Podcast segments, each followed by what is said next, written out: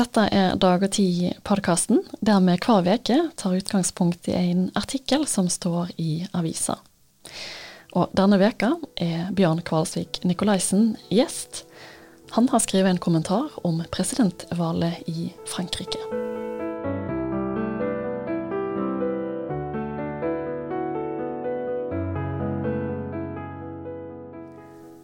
24. april var det presidentvalg i Frankrike, og Emmanuel Macron han blir sittende som president i fem år til.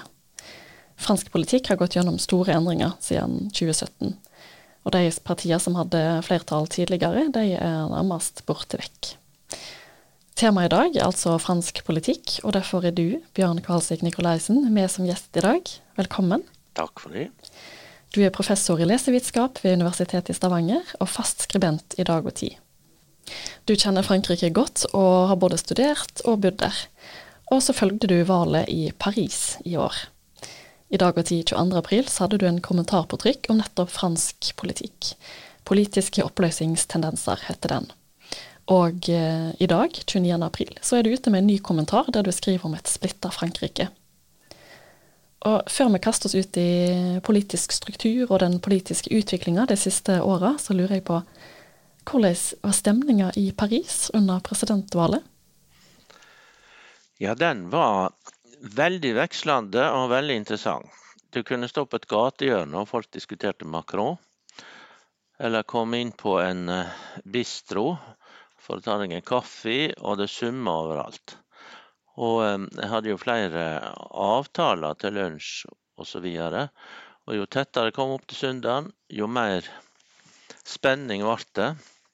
Nå er det jo ikke sånn at jeg går i de stråk der, der uh, Le Pen er mest uh, ettertrakta, men det var veldig godt å legge merke til at, at spenninga steig og steig. Og på søndag så var det jo den store festen da på Champ de Mars, som en gammel eksisterplass tilbake til Napoleon. Og der feira Macron sigeren med voldsomt mye folk som var tilstrømte fra fra alle kanter i vest. Vi skal gå rett videre til å se litt på politisk utvikling og sosiale tilhøve i Frankrike. Eh, for i kommentaren din, som sto på trykket dag og tid 22.4, så åpner du med å skildre studenter som protesterte i første omgang av presidentvalget, og slagordet deres da var 'Corche Macron' eller 'Le Pen'. Men nå var det jo Macron som kom sigrende ut av valget, og mye like overbevisende som ved valget i 2017. Og på den andre sida så gjorde jo Marine Le Pen det mye bedre enn i fjor. Og de partiene som tidligere har spilt hovedroller i fransk politikk, de er nesten borte vekk. Hva er det som har vært det normale i fransk politikk tidligere? For det aller første så må vi merke oss at dette er ikke et politisk liv som likner på vårt. I Skandinavia så har vi tautrekkinger, og vi har kompromissdanning, og vi har store forhandlinger, og vi har eh, trepartssamarbeid i arbeidslivet som er ekstremt viktig for å holde sosial ro og orden, og å oppdage konflikter. Men i Frankrike så kan en si at ideelt sett og ideologisk siden krigen, så har det vært ei venstreside og ei høyreside som har konkurrert om plassene i, både i parlamentet og om å få presidenten. Og siden den grunnlova som skapte den femte republikk, så har en da valgordninger som har egentlig favorisert dette. Nå er det slutt. Og de, Folk snakker om å lage en ny grunnlov og lage en sjette republikk med andre ordninger. Det som er problemet, er at sånn omtrent fra 1990 og frametter, så må en si at uh, denne topartiorganiseringa, der liberalere og andre kanskje har vært litt med på den ene og andre sida, den har medført at uh, den politiske eliten har fjerna seg mer og mer ifra de problemene som folk opplever. Og nå er det kommet så langt altså de siste 30 år at uh, folk rett og slett vil markere, enten det nå er studenter eller det er pensjonister eller det er gulevestopprørere eller hvem det nå måtte være, så markerer de at de ikke har tillit til den nasjonale politikken lenger. Det er det som er det store problemet. Og det viser òg valgresultatet. Så det som, det som, jeg ser på som normalt da, i Frankrike, med disse to partiene som har kjempa mot hverandre, da, det er en ny virkelighet nå i fransk politikk? Ja, det er det, og det har grodd litt fram over tid da. Altså, Det har vært ikke sant, tilfeller der Uten å gå inn på de historiske omstendighetene, så har det vært no noen tilfeller der altså presidenten har vært på én side og regjeringa på den hi. Da kaller en dette for samboerskap på fransk. Altså, og det Samboerskapet i regjeringa har samtidig vært en koalisjon.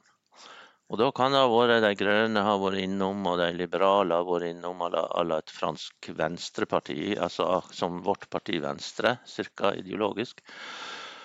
Og det har aldri vært et kristelig folkeparti. Eh, og da har det veksla en grann. I, eh, I, slike situasjoner har det enten skjedd i at en har fått gjort ganske mye Eh, eller det har skjedd at alt har stått i stampe og lite har utvikla seg. Eh, og når da en fikk disse ulike krisene framover, så eh, løste veldig mye av tilliten til statsmakta seg opp. Mm. Hvis vi går tilbake til presidentvalget, så var det jo, det jo tydelig at det franske folk er, er veldig splitta. Hva er det som har skjedd i Frankrike som gjør at folk ja, det, det, første er at vi har en krise for representasjon. da. En, en, må si at Det, vokst, det er nå helt tydelig at det har vokst fram en, en mistillitskrise mellom de politiske elitene, eller elitene i det hele, og folket. Og Dette bruker jo da ytre høyre og ytre venstre grupper som springbrettet for å lage politikk. Dermed så kan en si at eh, det politiske livet representativt sett er tredelt. Du har Macron, som for så vidt er sentrum høyre. Og så har du Mélenchon og hans parti, de er jo kuelege, som er ytre venstre. Ja, bare for å skyte inn, han fikk jo ganske høy oppslutning i første, første runde av presidentvalget. Ja, han fikk over 21 og det, det har han jo ikke hatt før. Slik at han men det betyr jo da at uh, han er den tredje store gruppering og vil ha en stor påvirkning framover. Så har du Le Pen, som jo fikk noe så forskrekkelig som 42% ved andre omgang i presidentvalget. Og det, og det er jo da mange ja, det går an å forklare. Det, men den først må da være oppmerksom på at her er det jo mange millioner flere nye velgere mot sist for fem år siden. Men det som, kan, det som da, da, går en mer over i den sosiale analysen. Og noe av det er helt reelt, og noe er imaginært. For å ta det reelle først, da. Så er noen snakker om det perifere Frankrike, og det er det Frankrike som i særlig grad holder til i nord, øst og, og sør. I vest stort sett, en stor skalk der inn fra Atlanterhavet og innover, har det ganske greit. Der er alt fra jordbruk til industri og turisme og alt det der. Ehm, gode inntekter til folk, og, og der er ikke noe særlig krisestemning. Men la oss nå si at i to tredjedeler av landet, da, så har industrien forsvunnet siden 70-tallet. Eh, der har vært ei forsemring, ei, ei forferdelig eh, nedgang i kvaliteten i, i bostadtilhøvet. Inntektene er dårlige, folk er fattigere og lever på ei sånn smikk, heter det, kaller de det. Ei sånn grunnleggende borgerlønn. Eh, de eh, har veldig stor angst for de tiltakene Macron nå vil innføre, såleis eh, innstramming i pensjonsordningene. Og der har vært innført allerede under Hollande, så var det innstramminger i, i utgifter til helse. De må betale diesel og bensin mye dyrere enn før. Det forsvinner lokaltog, så de må skaffe seg biler de som ikke hadde. Altså Elbilproblematikken finnes omtrent ikke. Det, det spørsmålet er hvordan skal jeg komme til jobb. Sånn at Mens da Le Pen tidligere hadde ytterkantene i nord, der, des, der industrien var borte, i øst, der de alltid har vært nokså uh, langt til høyre, eller forbi det normale høyre, moderate høyre, og i sør, der de har opplevd at de har hatt mange problemer med bl.a. innvandring, mener de. Så har hun nå ete seg innover og har vunnet store områder. Mangfoldige kommuner har hun fått flertall i innover i sentrale Frankrike. Og, og, og, og hele veien i grunnen langs Pyreneene og bortover til Atlanterhavet der.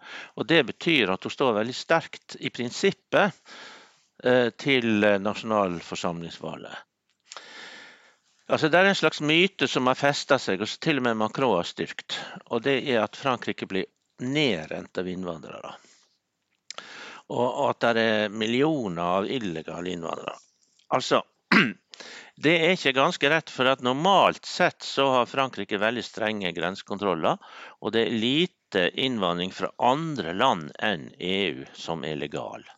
Men du har en viss grad av illegal innvandring, trafficking, menneskesmugling osv. Og, så og folk som bare flyter over fra Tyskland fordi de ikke får være der, eller andre land. Det beregner da det ansvarlige organet for, for slike beregninger, altså eh, Demografiobservatoriet, til å være sånn oppunder 900 000. Men fryktelig mange av de skyldes dårlig byråkrati. Eh, det er folk som har fått avslag på asylsøknader, en god slump, en tredjedel kanskje. Og de eh, får lov å bli værende. De blir ikke kasta ut sånn som i Norge.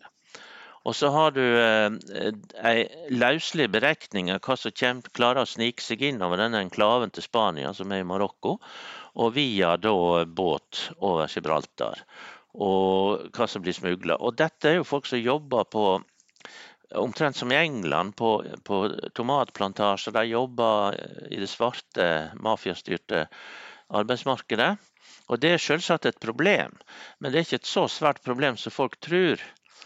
Og eh, Vi får inntrykk av at eh, her blir eh, disse 66 millionene franskmenn erstatta hver dag av stadig nye innvandrere som er fra Afrika og, og Midtøsten. Men det stemmer altså ikke.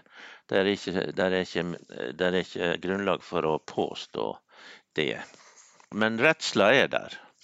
Ja. Ja, og den er vel, ja. den er vel reell, selv om problemet er Ja, det er jo nett Ikke sant. Er, det er jo nettopp det. Altså myter og fantasier, og, og for den del skjønnlitteratur og hva du vil ha, fungerer i hverdagen med å overtyde folk om at sånn er det. Og så er det jo ikke sånn heller at folk orienterer seg nødvendigvis så veldig godt i de dagsaktuelle problem. De sliter med sine vanlige daglige menneskelige problemer og følger ikke med på den nasjonale politikken. Jeg vil en liten tur innom eh, nasjonalforsamlinga, for det er jo valen der i juni. Mm. Og hvis vi da tar utgangspunkt i presidentvalget, hvordan tror du at nasjonalforsamlinga kan eh, komme til å se ut? Ja, det, det, skjedde noe i går kveld som er helt uh, nytt, og som først nå i dag morgen er blitt ordentlig kjent. og det er at på venstre siden har Mélenchon, med partiet sitt i De ukuelige, har fått samla alle mulige smågrupper på venstresida, men òg irekna Parti Sosialist, som eh, jo egentlig er gått nedenom er lutfattige nå. Eh, men eh, alt fra anarkister til kommunister til alle mulige grupperinger som før normalt ville ha stilt egne lister lokalt. Og nå må vi, vi må huske at vi snakker her om eh, store mengder eh, representanter. Og, og, veldig kompliserte utrekninger etter første varomgang, for det er òg to varomganger. Eh, og da har en før enten laga sånn bilaterale lister, to, to småpartier går sammen og håper å få en representant, og det har de ofte fått. Og på den måten har jo da f.eks. Le Pen-gjengen fått lite. Fordi at en har sørga for å ringe dem inn, sånn at ikke de skulle klare å vinne så veldig mye. Men hvis nå det blir en sosialistisk union plutselig. Ja, og Dette her skjedde i går, altså 28. Dette skjedde, april? Dette skjedde 28. april. Og hvis det da har um, Hvis dette lykkes, at forhandlingene deres fører til at de faktisk klarer å stille liste i lag, så endrer det litt det, det, bildet som nå har vist seg siden søndag.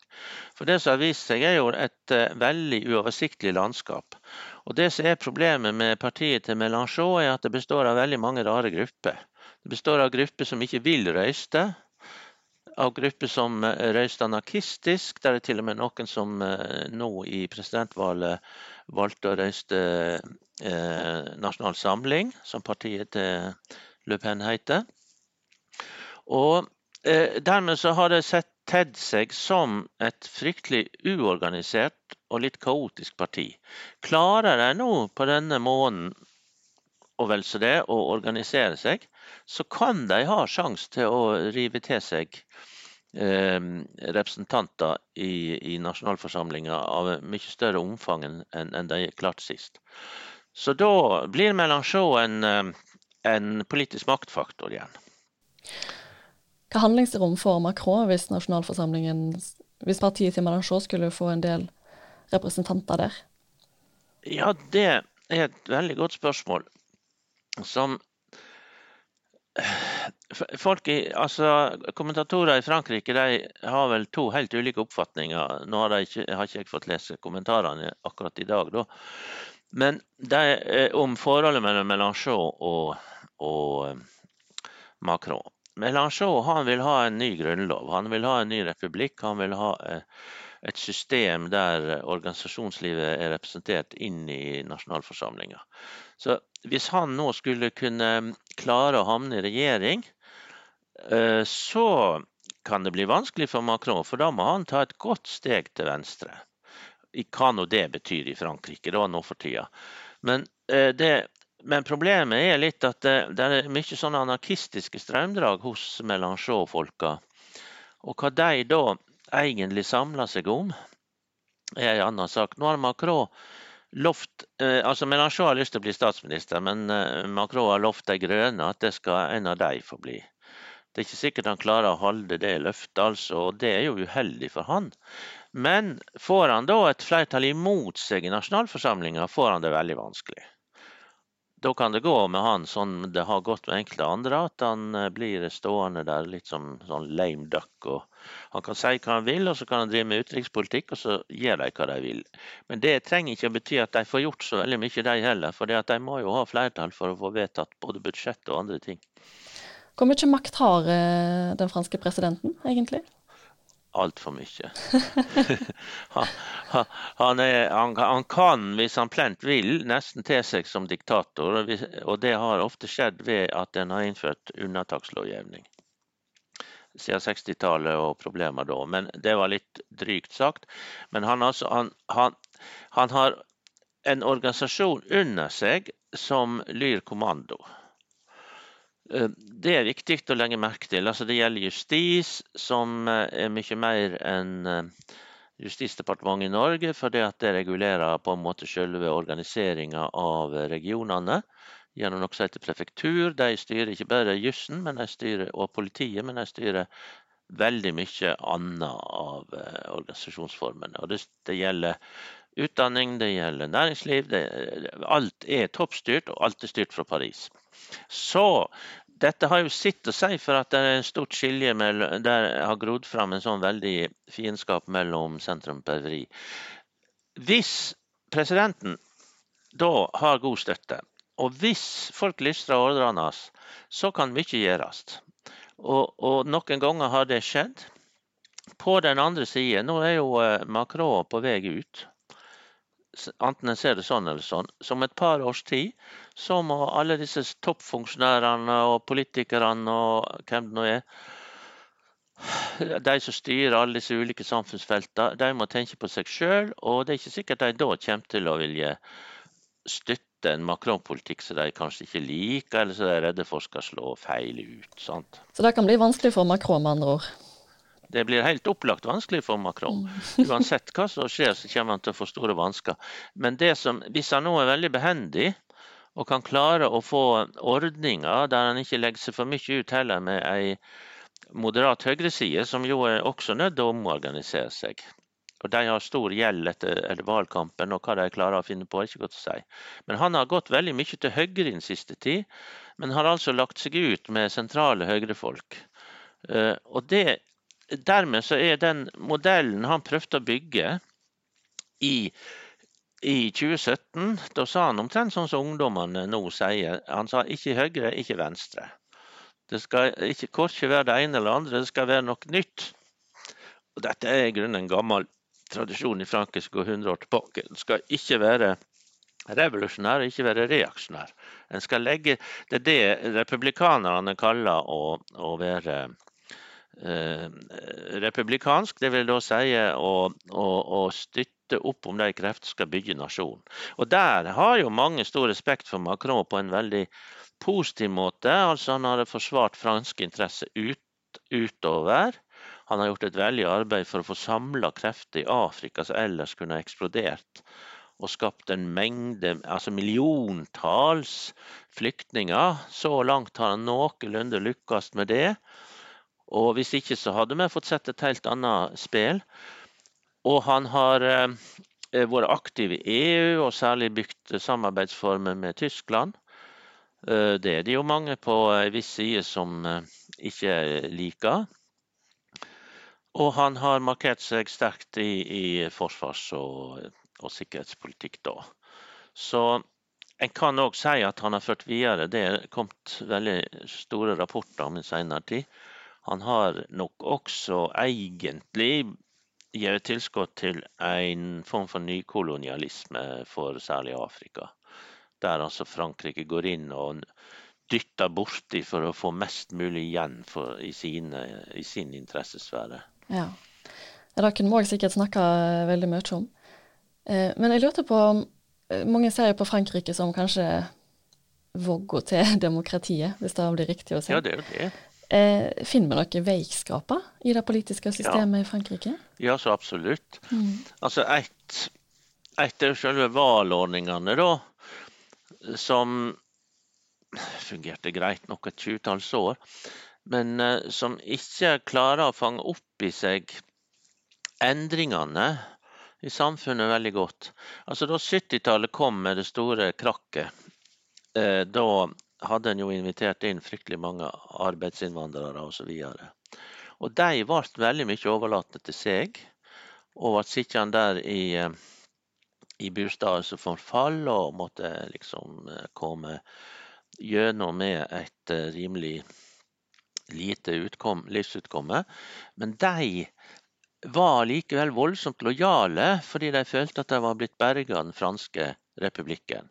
Så en kan si at republikanismen etablerte seg som en slags fellesideologi på 80-tallet, og holdt lenge ut som det i 90-tallet.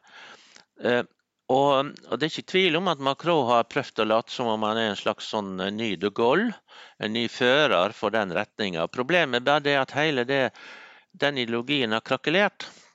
Den, den funker ikke lenger, for, den, for systemet fanger ikke opp misnøyen rundt omkring. Der er ingen måte å få fram representasjonen fra distriktene på at de føler seg etterlatte det er skrevet bok på bok om at eh, innvandrerne av tredje og fjerde generasjon nå føler seg svikta av den staten de har så å si stolt på så sterkt. De, de gamle pensjonistene, som jo er fast støtte enda for Macron, de, de, føler at eh, livsgrunnlaget deres blir svekka når de får mer skatter osv. Og, så og det de før stolte på av eh, reduksjoner og av transportmidler osv. Det er der ikke lenger. Så det som da, det som da skjer, er, er at den store, eh, den, den store vansken er at du får, du får, tanken om en sterk leder som skal bryte med det som er selve grunnlaget for fransk demokrati og vårt demokrati, maktfordelingsprinsippet. Og her har faktisk Macron gått inn og rota litt. Han har det, ja. Han har ja, han har lagt seg i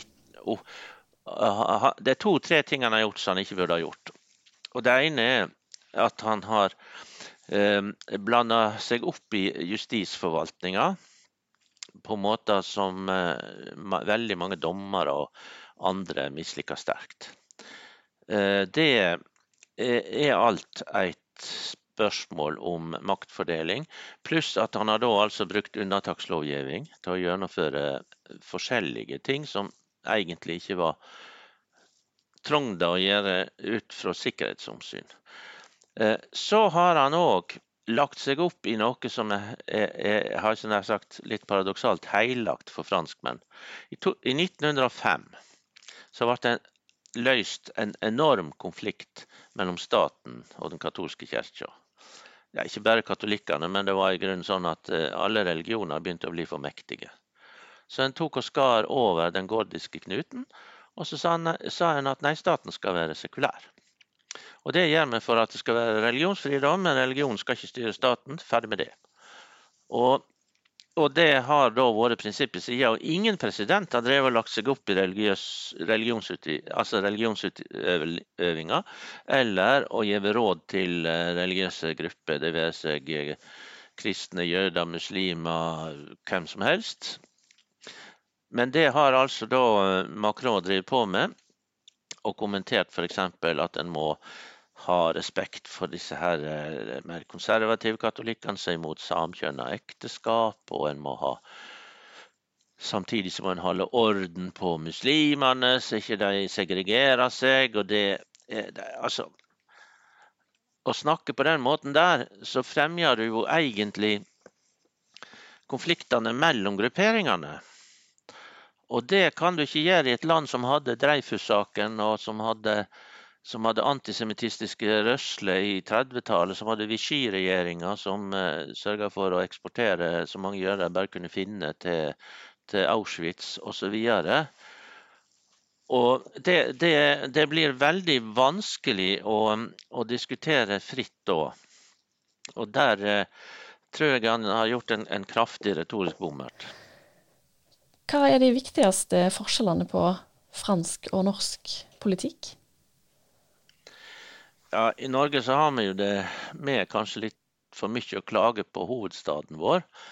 Men det er noe helt annet med Frankrike, altså. I Norge foregår det en kontinuerlig kommunikasjon fram tilbake, en dialog med de styrende maktene. Og det er, et, det er et, en stor interesse for å diskutere hva som skjer i distriktene, og, og en er veldig obs på sentrum-periferi-problematikken. I Frankrike er dette nesten ikke-eksisterende. Paris er sentrum for alt. Du kan bare se på jernbanenettet. Alle, skal, du, skal du på tvers i Frankrike, er det fryktelig vanskelig. Du må nesten til Paris. Eh, for å komme deg videre i landet, uansett hvor du befinner deg. Det er veldig lite distriktspolitikk å snakke om. I enkelte av de rikere områdene i vest så kan en si at det finnes der. Men stort sett så er det EU-reguleringene av landbruk og næringsliv som avgjør hvordan eh, landet er inndelt. I Frankrike eh, skjer veldig mye på ordre. En annen ting er at byråkratiet i Frankrike er veldig tungrodd. Ja, Vi klager jo ofte over vårt byråkrati, men, men eh, tungt å komme gjennom med noe som helst i Frankrike. Vi skal begynne å avslutte, men jeg har et spørsmål som kanskje summerer opp noe av det du allerede har sagt. For i løpet av Macrons første periode som president, så har tallet på lærere minka, samtidig som tallet på politifolk har økt kraftig. Og Det er ikke noe som jeg vil si nødvendigvis er et sunnhetstegn. I lys av dette, hva retning mener du, eller tror du, at Frankrike er på vei? Altså, nei, det er ikke noe sunnhetstegn, slett ikke. Og eh, nå har han jo da, tross alt stoppa litt av den nedbygginga i seinere tid. Og han har lovt å prøve å gå inn og, og styrke skolen, men, men, eh, men, han som ble da utdanningsminister, har i grunnen ikke klart å gjøre så mye med det. Men lærerne har nå slutta å protestere så voldsomt som de gjorde en stund. Problemet er at det det trengs en massiv oppbygging av kompetansen i skolen for å møte utfordringer fra radikaliseringa i religion. Eh, lærerne kan veldig lite om religion. Eh, elevene får si, på den muslimske sida får sin opplæring fra koranlærere som ikke egentlig heller kan sin koran Eh, på en skikkelig måte, og, og som iallfall leser han på en, en, en, slik måte som er diktert fra uh, visse krefter i Midtøsten. Men, men, de er da opptatt av å kjempe imot uh, demokratiske tendenser og Vestens ideologi og bla, bla. Og Dermed så måtte egentlig skolen vært styrkt voldsomt. Og Det har Macron etter hvert begynt å skjønne. Det andre er at han har mistet liksom tilliten hos ungdommen i og med at han ikke gjorde det han sist lovde, nemlig å lage en økologisk politikk og støtte Parisavtalen osv. Nå har han da gjentatt de lovnadene. Da kan en jo kanskje tro at det hjelper litt for de ungdommene som på en måte tilhører den grønne sida osv. Men han har fryktelig mye igjen å gjøre for å prøve å samle Frankrike. Og det, eh, det, må, det arbeidet må han gjøre, og det må skje nå de nærmeste par åra. For klarer han ikke å få det gjort sånn ca. i midten av, av, mandatet sitt, så får han det ikke gjort. Og da skal du se at det kan bli ganske mange eksplosive situasjoner om to, tre, fire, fem år. Ja, han har jo sagt at han skal være president for hele Frankrike nå. Ja, det er sånn som de sier. Ja. det, det, er det vanlige å si for en president. Men, men, han må jo vise at han vil det da. Og han er jo en glimrende taler og en forførende personligdom. Og er i stand til å sjarmere snart hvem som helst. Problemet er bare det at den magien der er litt nedsliten. Fordi at uh, han har sagt så mye som han har gjort det motsatte i høve til. Han, han må altså begynne å, å, bygge en mer folkelig basis. Han har jo det problemet at dette partiet hans, eh, eh, Republikken framover, så en oversetter det med til norsk somtid, det, det er ikke et parti. Det er rørsle. Uh, og, og, du kan ikke liksom uh, Det likner litt på sånne amerikanske partier. da, Demokratene og republikanerne er i liten grad partivesen mellom valene. De er valrørsorganisasjoner, valgkamporganisasjoner. Men du kan ikke liksom motivere folk på den måten uten at du har et konstant forhold til hva de skal gjøre lokalt. Og Problemet nå er i grunnen at det er tre store rørsler. Le Pen-sida vil òg måtte samle folk fra mange kanter. Melanchon-sida har alt begynt altså i går med å samle folk fra mange kanter. Og hva gjør så Macron med sitt såkalte parti? Han blir nødt til å få folk til å bygge organisasjon som kan hjelpe ham med å få folkelig støtte til å gjennomføre det som han vil. Han kan ikke bare sitte der som, eh, som president og gi ordrer. Det, og det er veldig klinkende klart at det er folk veldig opptatt av at de ikke vil ha så mye mer av. Bjørn Kvalsvik Nikolaisen, Tusen takk for at du eh, var gjest her i podkasten denne uka. Ja, takk skal du ha. Det var hyggelig det å få en prat.